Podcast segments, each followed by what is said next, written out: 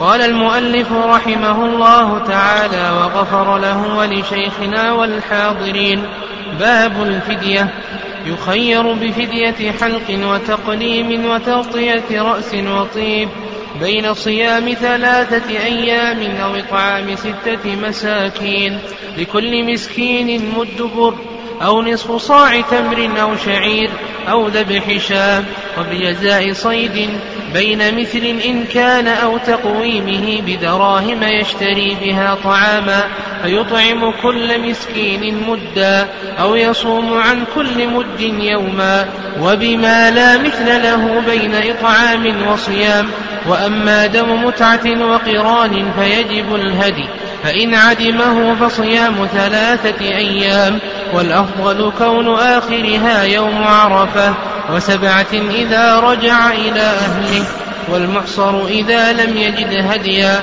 صام عشرة ثم حل ويجب بوطء في فرج في الحج بدنه وفي العمرة شاة وإن طاوعته زوجته لزماها. تقدم لنا في الدرس السابق بقية محظورات الإحرام. وتكلمنا فيما سلف عن عقد الإحرام. هل هو من محظورات الحج أو هل هو من محظورات الإحرام أو ليس من محظورات الإحرام؟ وأن جمهور أهل العلم رحمهم الله يرون أنه من المحظورات وأن عقد النكاح لا يصح. وأن الحنفية يرون صحة عقد النكاح. وذكرنا دليل كل وأن الجمهور استدلوا بحديث عثمان والحنفية استدلوا بحديث ابن عباس في تزوج النبي صلى الله عليه وسلم ميمونة. وذكرنا أجوبة عن حديث ابن عباس رضي الله تعالى عنهما وأن الراجح ما ذهب إليه جمهور أهل العلم. كذلك أيضا سلفنا سلف لنا من محظورات الإحرام ما يتعلق بالجماع وأن الجماع من محظورات الإحرام. ذكرنا أن الجماع ينقسم إلى ثلاثة أقسام. القسم الأول جماع قبل الوقوف بعرفة والقسم الثاني أن يكون بعد الوقوف قبل التحال الأول والقسم الثاني أن يكون بعد التحال الأول وقبل التحل الثاني وذكرنا حكم كل قسم. كذلك أيضا ما يتعلق بالمباشرة إلى آخره.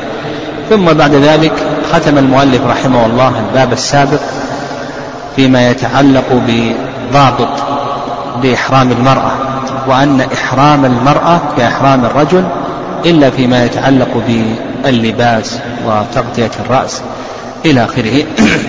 ثم قال المؤلف رحمه الله في درس اليوم باب الفدية. قال يخير بفدية حلق وتقليم وتغطية رأس وطيب ولبس مخيط بين صيام ثلاثة أيام أو إطعام ستة مساكين لكل مسكين مد بر أو نصف صاع من تمر أو شعير أو ذبح شاة إلى آخره. الفدية هي ما يعطى في افتكاك الأسير أو إنقاذ من هلكة. الفدية هي ما يعطى في افتكاك الأسير أو إنقاذ من هلكة. وأما في الاصطلاح فهي ما يخرجه من فعل محظورا من محظورات الإحرام من إطعام أو ذبح أو صيام. والحكمة من مشروعية الفدية هو تعظيم أمر الإحرام وأن محظوراته من المهلكات التي تحتاج إلى افتكاك أو افتكاك من وقع فيها. وشرعية هذه الفدى يدل على أن مواقعة هذه المحظورات أنه محرم ولا يجوز بكونه رتب عليه هذه العقوبة. وحكم هذه الفدية الوجوب يعني على من فعل محظورا من محظورات الإحرام حكمها الوجوب. لأمر الله ورسوله صلى الله عليه وسلم بها. كما سيأتي يقول المؤلف رحمه الله يخير بفدية حلق وتقليم وتغطية رأس. الفدية منها ما هو على التخيير ومنها ما هو على الترتيب. فشرع المؤلف رحمه الله بما يتعلق بالتخيير. فقال لك يخير بفدية حلق الحلق والتقليم تغطية الرأس والطيب ولبس المخيط. هذه المحظورات حلق الشعر تقليم الأظفار تغطية الرأس الطيب لبس المخيط. نعم لبس المخيط وكذلك أيضا نعم كذلك أيضا تغطية الرأس. نعم ذكرهم نعم. هذه الخمسة يخير فيها كما ذكر المؤلف رحمه الله بين إطعام ستة مساكين لكل مسكين نصف صاع أو صيام ثلاثة أيام أو دم.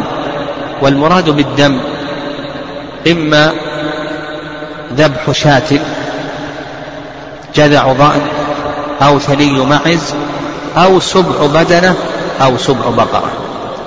يعني هو مخير بالنسبة للدم مخير بين أمور أربعة. إما أن يذبح جذع ضأن أو ثني معز أو سبع بدنة أو سبع بقرة. وقول المؤلف رحمه الله تعالى لبس المخيط والطيب وحلق الراس وتقليم الأظفار وتغطية الراس. هذه المحظورات التي ورد فيها النص هو حلق شعر الرأس. يعني حلق شعر الرأس. فمن كان منكم مريضا أو به أذى من رأسه ففدية من صيام أو صدقة أو نسك. وحديث كعب بن عجرة رضي الله تعالى عنه أنه حمل للنبي صلى الله عليه وسلم. فقال له النبي صلى الله عليه وسلم لعلك آذاك هوام رأسك. قال نعم يا رسول الله. قال احلق وصم ثلاثة أيام أو أطعم ستة مساكين أو إنسك شاة. أو إنسك شاة اذبح شاة والحديث في الصحيحين وأول التخيير فالنص الذي ورد فيه هو حلق الرأس. قاس العلماء رحمهم الله تعالى بقية محظورات الإحرام هذه الخمسة قاس عليها. قاسوا عليها ماذا؟ قاسوها على حلق الشعر. يعني تغطية الرأس لبس المخيط الطيب لبس المخيط الطيب كذلك أيضا تقليم الأظفار. هذه الأربعة الباقية قيست على حلق الشعر وإلا لم يرد فيها نص بخصوصه وصحيح نقول بأنها من محظورات الإحرام لأن النص ورد أنها من محظورات الإحرام. وسبق لنا أنه يفرق بين ماذا؟ بين حكمين. بين الحكم التكليفي والحكم الوضعي. الحكم التكليفي دل الدليل على أنها من الأحكام التكليفية وأنه يحرم إتيان مثل هذه المحظورات.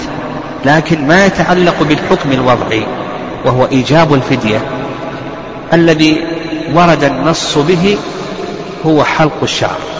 أما بقية المحظورات الأربعة التي نص عليها المؤلف رحمه الله تعالى فإنه لم يرد فيها شيء في الشرع. لم يرد فيها شيء عن النبي صلى الله عليه وسلم.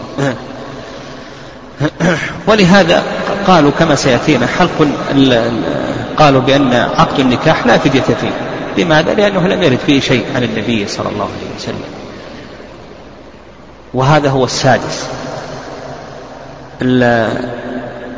الجماع ورد فيه عن الصحابة رضي الله تعالى عنه أن فيه بدنة. الجماع ورد فيه عن الصحابة كما سلف لنا أنهم قضوا بأن فيه بدنة. نعم.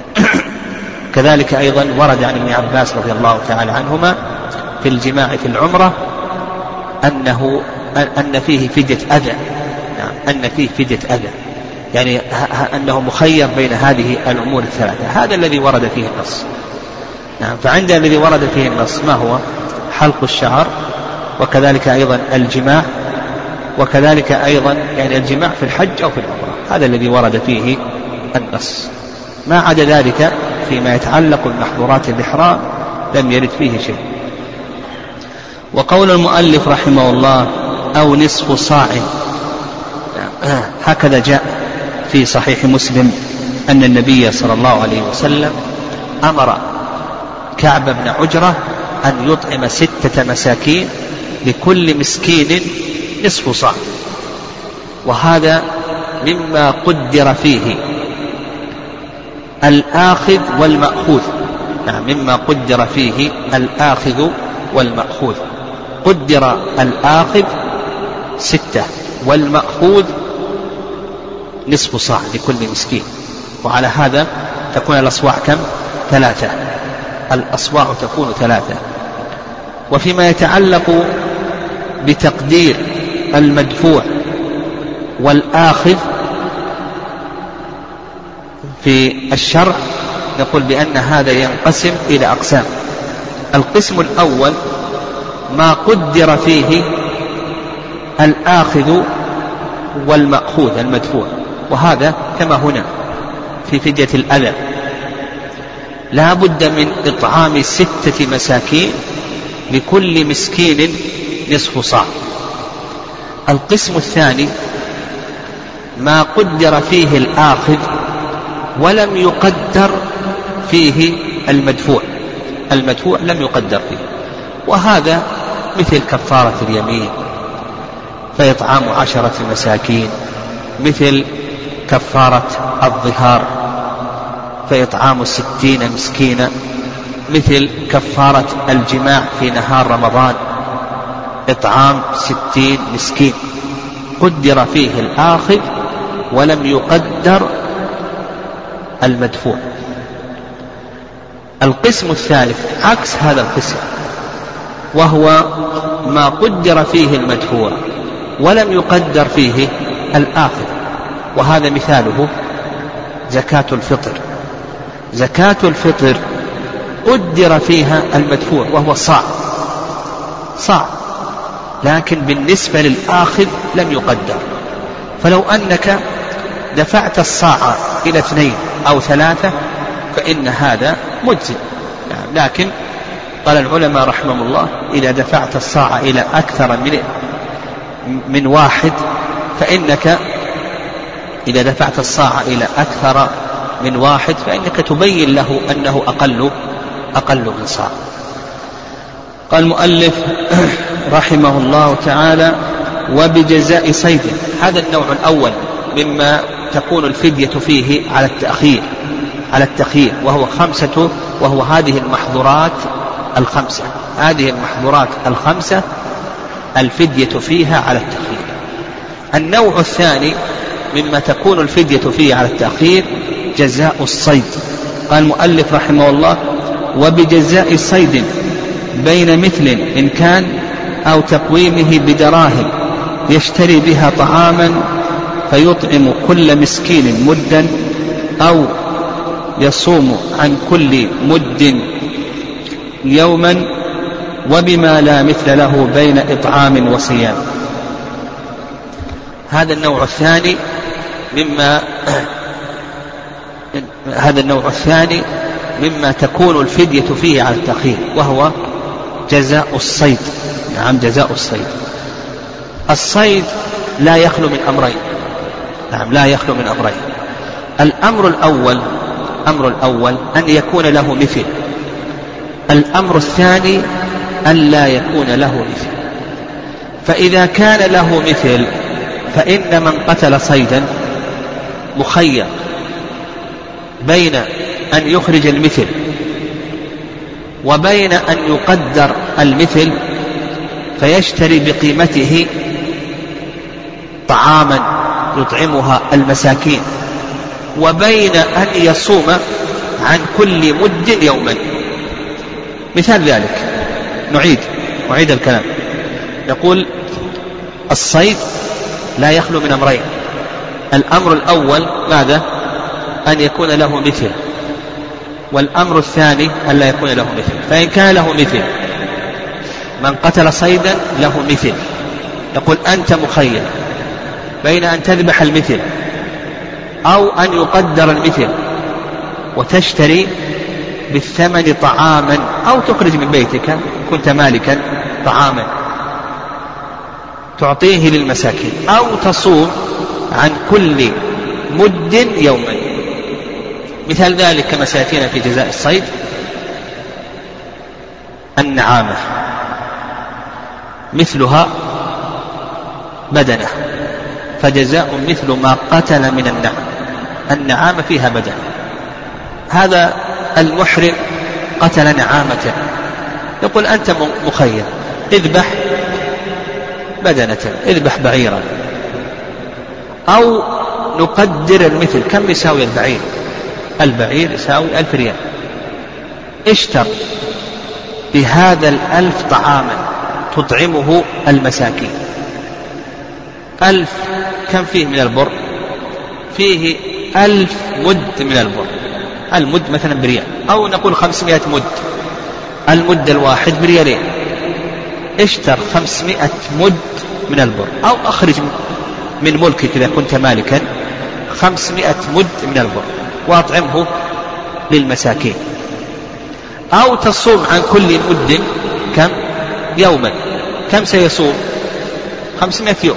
فنقول أنت مخير بين تذبح البعير هذه البدنة وبين أن تطعم خمسمائة مد وبين أن تصوم عن كل مد يوما.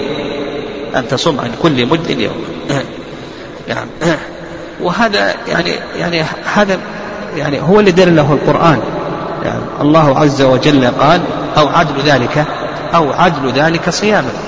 يعني لكن بعض العلماء يعني مثل ابن العربي رحمه الله من المالكية يقول بأن الصيام إذا تجاوز الشهرين لا يجب. يعني الواجب هو أن يصوم شهرين. إذا تجاوز الصيام شهرين يقول لا يجب. لأن هذا أعلى ما ورد في الشر لكن لا لكن ظهر القرآن أن الله سبحانه وتعالى قال أو عدل ذلك صياما يدل لما ذكره العلماء رحمهم الله تعالى. وأنه يجب عليه أن يطعم أن يذبح الهدي أو أن يطعم أو أن يصوم عن كل مد يوم. وما الذي يقدر؟ يعني المؤلف رحمه الله قال أو تقويمه يعني تقويم المثل. هذا ما عليه جمهور العلم أن الذي يقوم هو المثل. وعند الحنفية الذي يقوم هو الصيد. يعني الحنفية رحمهم الله يقولون بأن الذي يقوم هو الصيد وعند جمهور أهل العلم أن الذي يقوم هو المثل. طيب هذا بالنسبة للقسم الأول أن يكون الصيد له مثل. القسم الثاني أن يكون الصيد لا مثل له. مثل مثل العصافير. العلماء يقولون بأن العصافير هذه لا مثل لها. وحينئذ يسقط عنا ذبح المثل. يكون من من قتل صيدا المحرم إذا قتل صيدا يكون مخير بين أي شيء؟ ها؟ بين أمرين. إما الإطعام أو الصيام. أما بالنسبة لذبح المثل فإنه لا يجب عليه أن يذبح المثل. مخير بين الإطعام أو الصيام. وعلى هذا إذا قتل عصفورا من العصافير. العصفور هذا ليس له مثل. نقوم هذا العصفور. كم يساوي هذا العصفور؟ قالوا يساوي خمسة ريالات. تشتري بهذه الخمسة ريالات طعاما تطعمه للمساكين أو أنك تصوم عن كل مد يوما. فإذا كان هذا الخمسة تأتي بخمسة أمداد نقول أنك تطعم هذه للمساكين أو أنك تصوم عن كل يوم عن كل مد يوما وعلى هذا تصوم كم من يوم؟ تصوم خمسة أيام. قال المؤلف رحمه الله وبجزاء الصيد بين مثل إن كان أو تقويمه بدراهم يشتري بها طعاما فيطعم كل مسكين مدا أو يصوم أو يصوم عن كل مد يوما.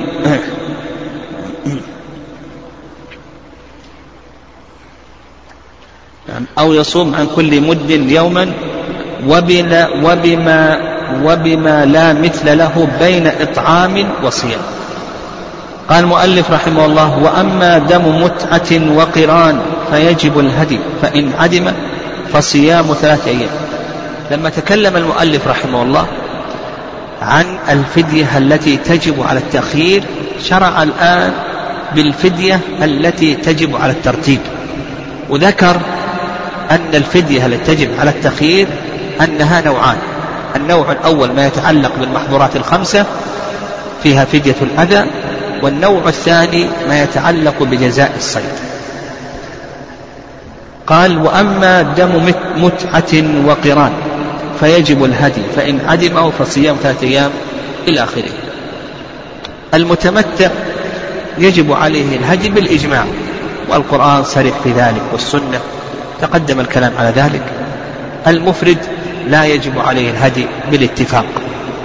القارئ هذا موضع خلاف بين العلماء رحمهم الله.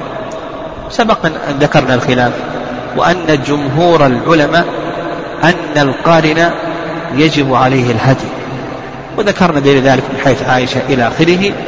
والرأي الثاني رأي الظاهرية أن القارن لا يجب عليه الهدي. والصواب في هذه المسألة أن القارن يجب عليه الهدي كما سلف طيب. المتمتع والقارن يجب عليهما الهدي. إذا لم يجدا الهدي ها فإنهما ينتقلان إلى ماذا؟ إلى الصيام إذا لم يجدا ثمن الهدي أو لم يجدا الهدي يباع فإنهما ينتقلان إلى ماذا؟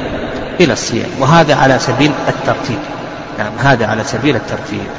طيب ودليل ذلك قول الله عز وجل فمن لم يجد فصيام ثلاثة أيام في الحج وسبعة إذا رجعتم قال فصيام ثلاثة أيام والأفضل كون آخرها يوم عرفة. طيب. وسبعة وسبعة إذا فصيام ثلاثة أيام. وسبعة إذا رجع إلى أهله. سبعة إذا رجع إلى أهله. صيام ثلاثة الأيام التي في الحج لها وقتان. الوقت الأول وقت جواز والوقت الثاني وقت أفضلية. وقت الجواز متى يبدأ وقت الجواز؟ ومتى ينتهي؟ وقت الجواز يبدأ على المشهور من مذهب الإمام أحمد رحمه الله وكذلك أيضا مذهب أبي حنيفة أنه يبدأ من حين الإحرام بالعمرة من حين الإحرام بالعمرة يبدأ وقت الجواز. ودليل ذلك أن الله سبحانه وتعالى قال فمن تمتع بالعمرة إلى الحج فما استيسر من الهدي. فالإحرام بالعمرة هو السبب ماذا؟ سبب التمتع. الإحرام بالعمرة سبب التمتع. وقد ذكر ابن رجب رحمه الله قاعدة في كتابه القواعد. وهي أنه يجوز تقديم العبادة بعد وجود السبب وقبل وجوب وجوبها أو قبل وجود شرط الوجوب هنا الآن وجد السبب. الآن وجد سبب العبادة فيجوز لك أن تقدم هذه العبادة. ونظير ذلك كفارة اليمين مثلا. كفارة اليمين يجوز لك أن تخرج الكفارة قبل ماذا؟ ها؟ قبل الحنث لأنه وجد السبب وهو اليمين. لكن تخرج الكفارة على السبب تقدم الكفارة على السبب ما يجوز. لو قلت أنا بكفر قبل أن تحلف ربما أني أحلف في يوم من الأيام. وهذا ما يجوز. فتقديم العبادة قبل السبب لا يجوز لكن تقديم العبادة بعد وجود السبب وقبل شرط الوجوب أو قبل الوجوب هذا نقول بأنه حكمه ماذا؟ نعم جائز. ولأن النبي صلى الله عليه وسلم قال دخلت العمرة في الحج إلى يوم القيامة وشبك بين أصابعه. دخلت العمرة في الحج إلى يوم القيامة وشبك بين أصابعه. الرأي الثاني أن الصيام الثلاثة يبدأ من حين الإحرام بالحج بظاهر الآية. الله سبحانه وتعالى قال فمن تمتع بالعمرة إلى الحج قال فصيام ثلاثة أيام في الحج قال ثلاث أيام في الحج. وإذا صامها قبل الإحرام بالحج ما صامها في الحج. والصواب في هذه المسألة ماذا؟ الصواب في هذه المسألة ما ذهب إليه الحنابلة والحنفية وأن صيام ثلاثة أيام في الحج يبدأ من حين الإحرام بالعمرة. يعني لما ذكر أنه وجد السبب. صحيح وما دخل بالإحرام بالحج لكنه وجد سبب التمتع الآن. والعبادة يجوز أن تقدمها بعد وجود سببها. وكذلك أيضا ذكرنا أن العمرة كما قال النبي صلى الله عليه وسلم دخلت العمرة في الحج إلى يوم القيامة وشبك بين أصابعه. فإذا أحرم بالعمرة المتمتع أحرم بالحج لأن لأن العمرة دخلت في الحج. أما الرأي الثاني فدليله ظاهر القرآن لكن جبر عن ذلك. طيب متى ينتهي وقت الصيام؟ نعم متى ينتهي وقت الصيام؟ ينتهي بغروب الشمس من آخر يوم من أيام التشريق. لأنه إذا غربت الشمس من آخر يوم من أيام التشريق اليوم الثالث عشر تكون أيام الحج انتهت. أيام الحج تبدأ متى؟ ها؟ تبدأ متى أيام الحج؟ اليوم الثامن. لا في اليوم الثامن. اليوم الثامن هو أول أيام الحج. يوم التروية والتاسع والعاشر والحادي عشر والثاني عشر والثالث عشر. هذه ستة أيام هذه أيام الحج. وسيأتينا إن شاء الله. سيأتي الكلام على هذه الأيام بإذن الله عز وجل. فينتهي وقت الصيام بغروب الشمس من آخر يوم من أيام ماذا؟ ها؟ من, من آخر يوم من أيام التشريق. نعم. طيب. إذا ما صام أخر الصيام غربت الشمس وهو لم يصم. ما الحكم هنا؟ ها؟ نقول إن كان لعذر كأن يكون ناسيا أو أن يكون مريضا ونحو ذلك فإنه يقضي. أما إذا كان لغير عذر ها؟ وأخر عمدا فإنه لا يقدر على القضاء هذه قاعدة عند شيخ الإسلام تيمية رحمه الله وكذلك أيضا ابن حزم أن من أخر العبادة عن وقتها بلا عذر فإنه لا يقدر عليها. نعم لا يقدر عليها. وعلى هذا نقول إذا أخر الصيام إن كان التأخير لعذر كأن ينسى أو نعم كان يكون مريضا نحو ذلك أو شدة الحج لا يستطيع أن يصوم ما تمكن من الصيام إلى آخره أو خشي على نفسه فنقول هذا يصوم يقضي ما في لا إشكال في ذلك. لكن إذا كان التأخير بلا عذر متعمدا فإنه لا يقدر على هذه العبادة. ومثل أيضا الهدي إذا غربت الشمس انتهى وقت الهدي انتهى وقت الذبح لو أنه أخر الهدي نسيانا نسي كما يحصل لبعض الناس أو يوكل شخص يوكل شخصا لكي يذبح له ثم بعد ذلك ينسى. يقول يقضي بعد الأيام الثلاثة بعد أيام الذبح لا, لا إشكال. لكن إذا كان بغير عذر فإنه لا يقدر على القضاء. هذا القسم الأول وهو ماذا؟ نعم وقت الجواز. القسم الثاني وقت الأفضلية. ما هو الوقت الأفضل لصيام هذه الأيام الثلاثة؟ المؤلف رحمه الله يرى أن الأفضل أن تجعل آخر الأيام الثلاثة هو يوم ماذا؟ هو يوم عرفة. قال والأفضل كون آخرها يوم عرفة.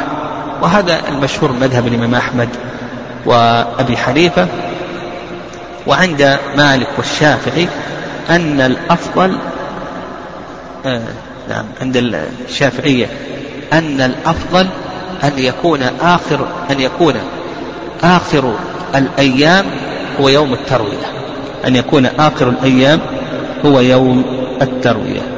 وهذا هو الوارد عن ابن عمر وعائشة رضي الله تعالى عنهم يعني الحنابلة يقولون وارد عن علي.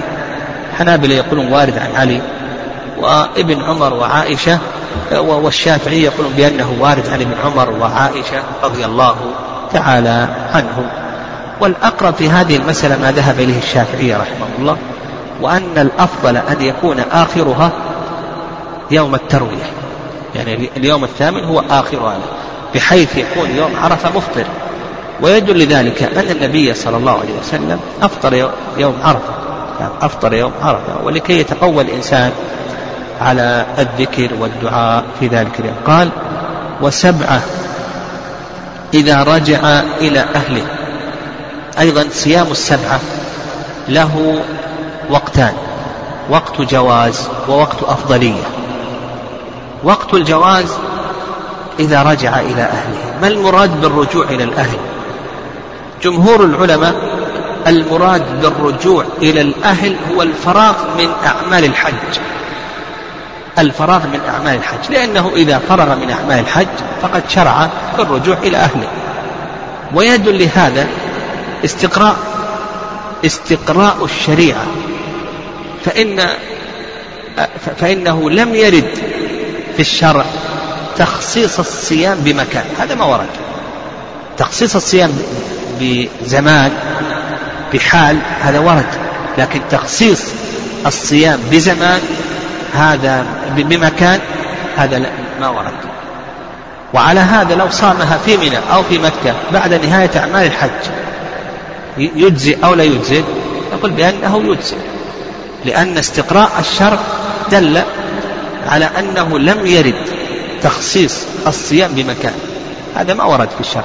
صحيح الصيام يخصص بزمان يخصص بحال لكنه يخصص بمكان هذا ما ورد. وعند الشافعية الشافعية أخذوا بظاهر القرآن. وسبعة إذا رجعتم في حيث ابن عمر إذا رجع إلى أهله. نعم حيث ابن عمر إذا رجع إلى أهله فأخذوا بظاهر.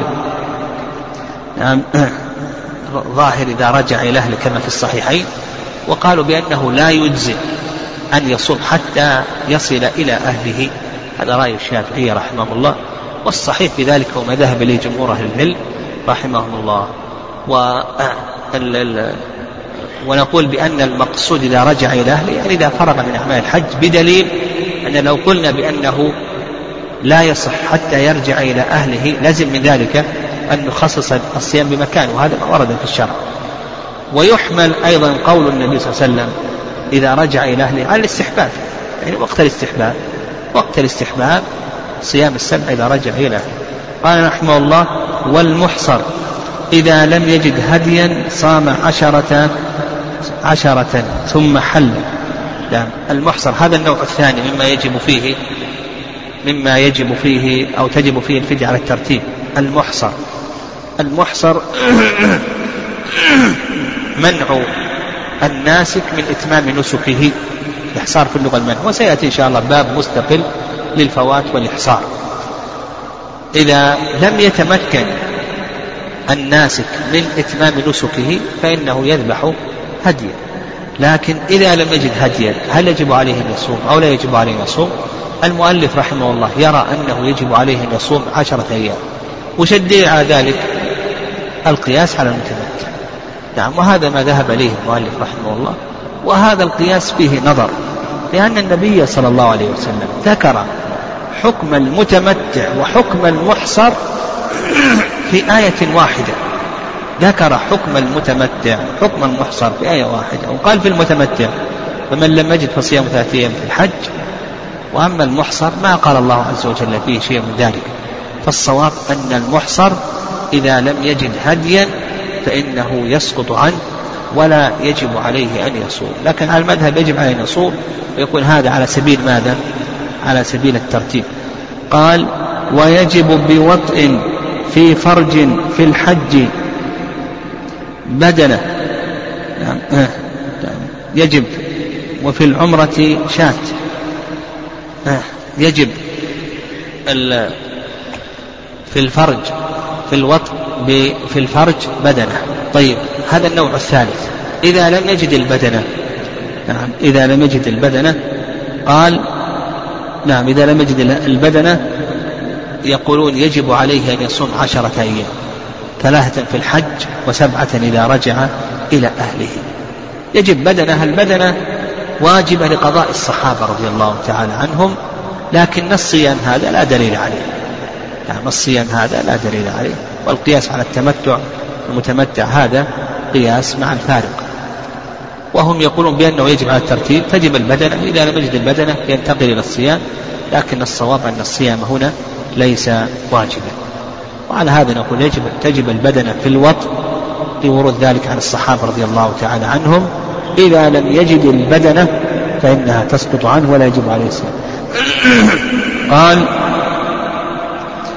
وفي العمرة شاة. في العمرة شاة. يعني يجب في العمرة شاة.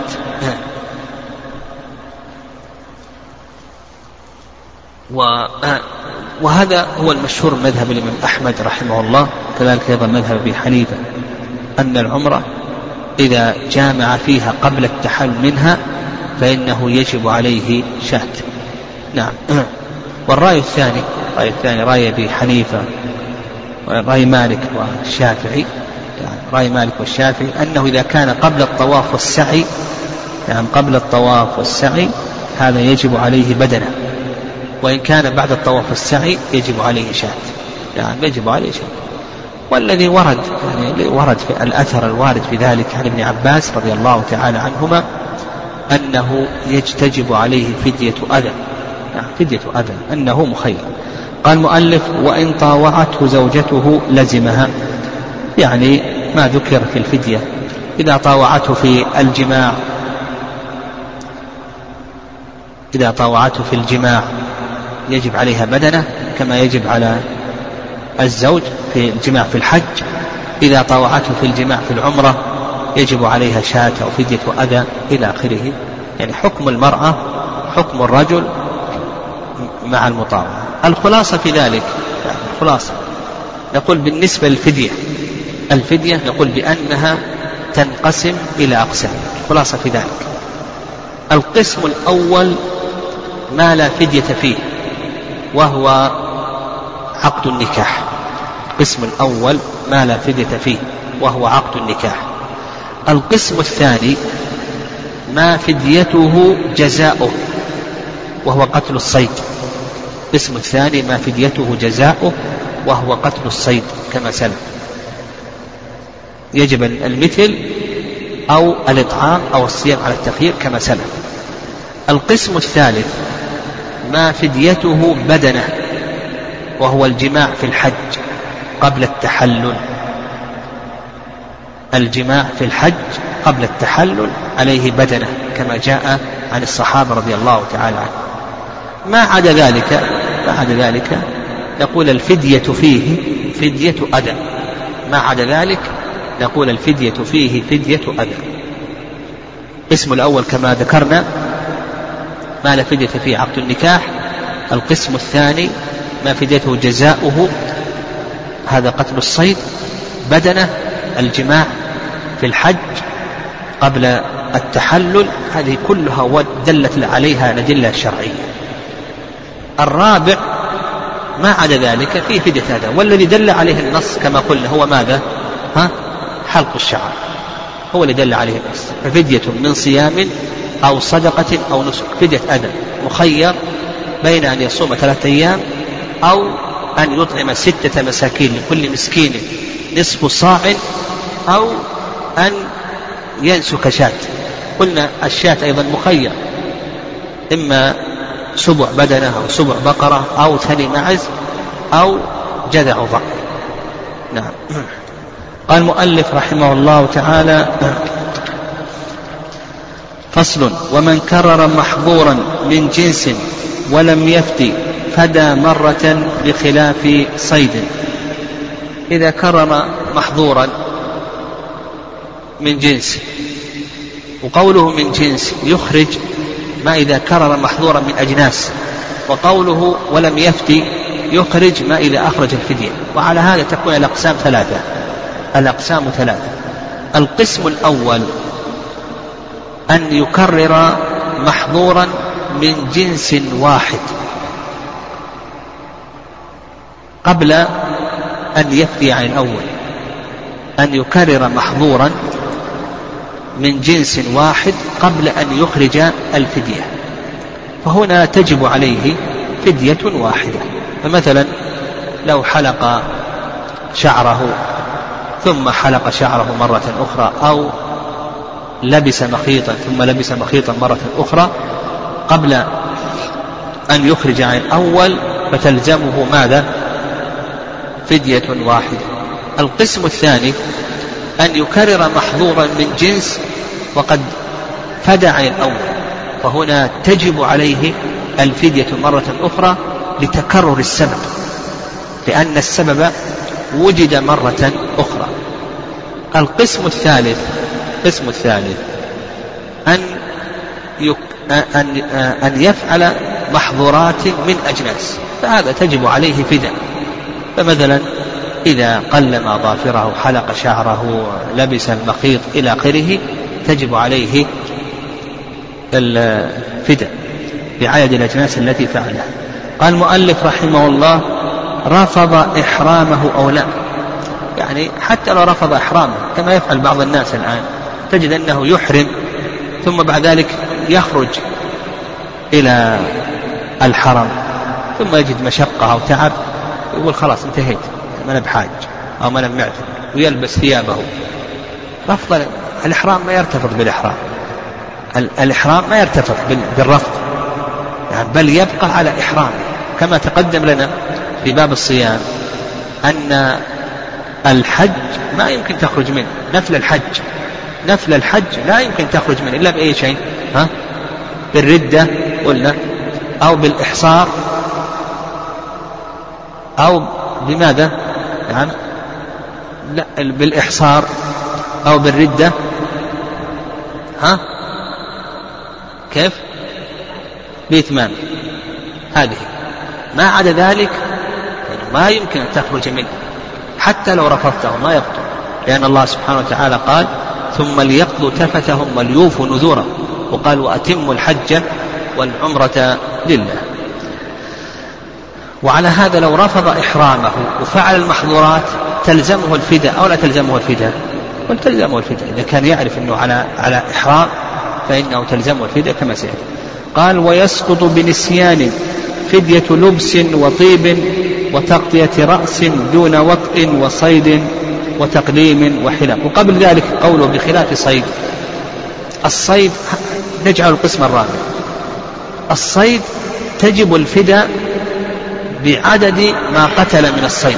لأن الصيد تجب الفداء بعدد ما قتل من الصيد. لأن الله سبحانه وتعالى قال فجزاء مثل ما قتل من نعم. فلو قتل نعمتين تجب عليه بدنتان إلى آخره. قال ويسقط بنسيان فدية لبس وطيب وتغطية رأس دون وطء وصيد وتقليم وحلاق. بالنسبة للفداء متى تسقط الفدية ومتى لا تسقط الفدية؟ المشهور من المذهب أنهم يفرقون بين المحظورات.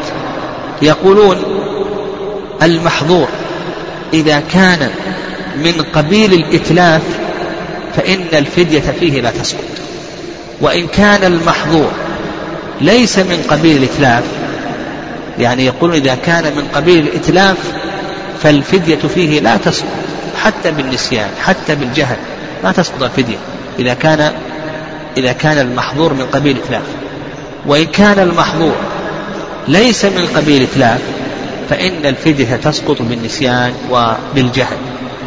طيب ما هي المحظورات التي من قبيل الإتلاف والمحظورات التي ليست من قبيل الإتلاف حلق الشعر هذا إتلاف ما يسقط بالنسيان والجهل. حلق الشعر. تقليم الأظفار. قتل الصيد. الجماع. هذه الأربعة هذه ماذا؟ من قبيل ماذا؟ الإتلاف. ما تسقط بالجهل والنسيان والإكراه ما تسقط. ما عدا ذلك لبس المخيط تغطية الرأس الطيب المباشرة. عقد النكاح. هذه أصلا عقد النكاح لا يرى فيه فدية. هذه الأربعة تسقط بالنسيان والجهل إلى آخره. فيفرقون بين ما كان من قبيل إتلاف وما كان وهذا هو المشهور من المذهب مذهب الشافعية. والرأي الثاني نعم الرأي الثاني رأي الحنفية والمالكية أنها أن المحظورات لا تسقط مطلقا. سواء كان سواء ما كان منها من قبيل إتلاف أو لم يكن من قبيل إتلاف أنها لا تسقط مطلقا. الفدية لا تسقط مطلقا. بالنسيان ولا بالجهل. عكس ذلك اختيار شيخ الإسلام تيمية رحمه الله. أنها أن المحظورات تسقط مطلقا بالنسيان بالجهل والإكراه تسقط مطلقا. وهذا القول هو الصواب. سبق أن ذكرنا قاعدة في ذلك. نعم ذكرنا قاعدة في ذلك. ها؟ ها؟ ما هي؟ نعم زين. نقول سائر المنهيات والمحظورات قلنا لأنه يعذر فيها بالجهل والنسيان والإكراه. سائر المنهيات والمحظورات. سائر المنهيات والمحظورات لا بد من شروط ثلاثة العلم والذكر والاختيار. ويدل لذلك أن الله سبحانه وتعالى قال في قتل الصيد ماذا؟ فمن قتله منكم متعمدا فجزاء مثل ما قتل من النعم. وقال في النسيان من شرب إذا من أكل أو شرب وهو صائم من نسي فأكل أو شرب وهو صائم فليتم صومه فإنما أطعمه الله وسقاه. أطعمه الله وسقاه. وقال في الكفر وهو أغلظ المحظورات إلا من أكره وقلبه مطمئن بالإيمان فالصواب في ذلك أن هذه المحظورات كلها أن هذه المحظورات كلها تسقط بالنسيان وبالجهل وبالإكراه. ما يلزم بشيء من فعلها. من فعلها يقول بأنه معلوم. قال المؤلف رحمه الله وكل هدي أو إطعام وكل هدي أو إطعام فلمساكين الحرم. يعني كل هدي أو إطعام. سببه الحرم أو الإحرام. كل هدي أو إطعام. سببه الحرم أو الإحرام فإنه لمساكين الحرم. يكون لمساكين. فمثلا فداء المحظورات ترك الواجبات التمتع إلى آخره كل هدي. نعم. أو إطعام. سببه الحرم أو الإحرام. نقول لمن؟ لمساكين الحرم. لأن الله سبحانه وتعالى قال هديا بالغ الكعبة. قال هديا بالغ الكعبة. وأيضا الله عز وجل قال ولا تحلقوا رؤوسكم حتى يبلغ الهدي محلة. وقال ثم محلها إلى البيت العتيق. هذا يدل إلى ما على ما ذكره المؤلف رحمه الله تعالى. وقال النبي صلى الله عليه وسلم نحرت ها هنا ومنى كلها منحر. فانحروا في لحاركم. قال فجاج مكة طريق ومنحر. إلى آخره. طيب من هم مساكين الحرم؟ من هم مساكين الحرم. تقول مساكين الحرم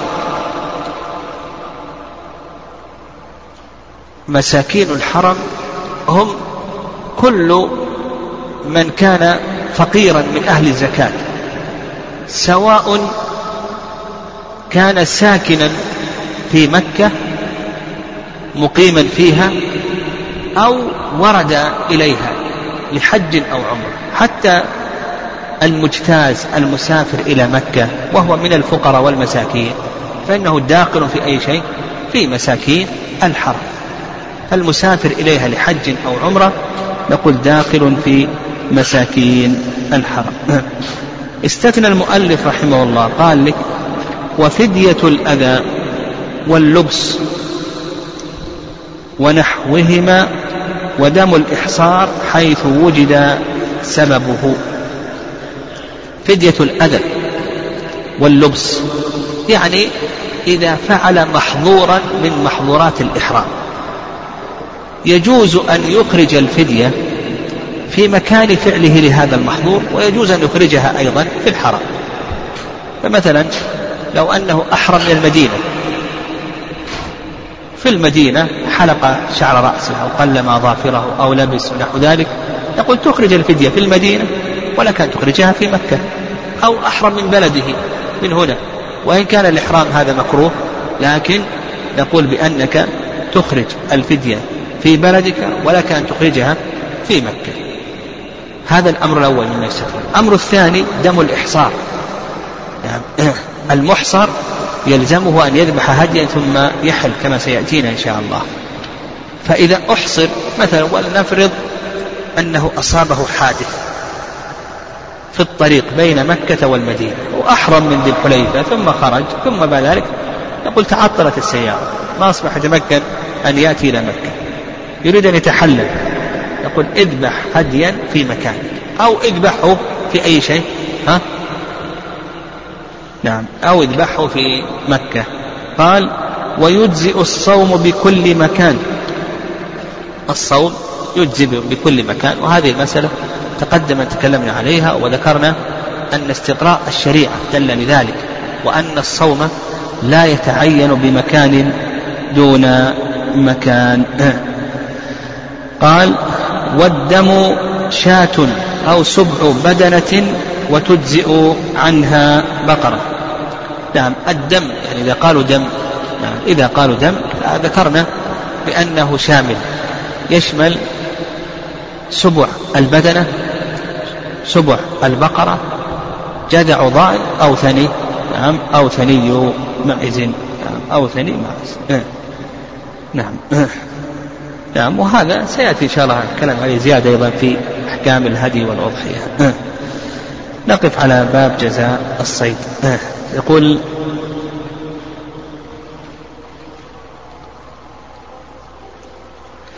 يقول ما حكم البناء فوق سطح المسجد مثل بناء منزل سكني وما حكم دورات المياه لا هو سطح المسجد وقف.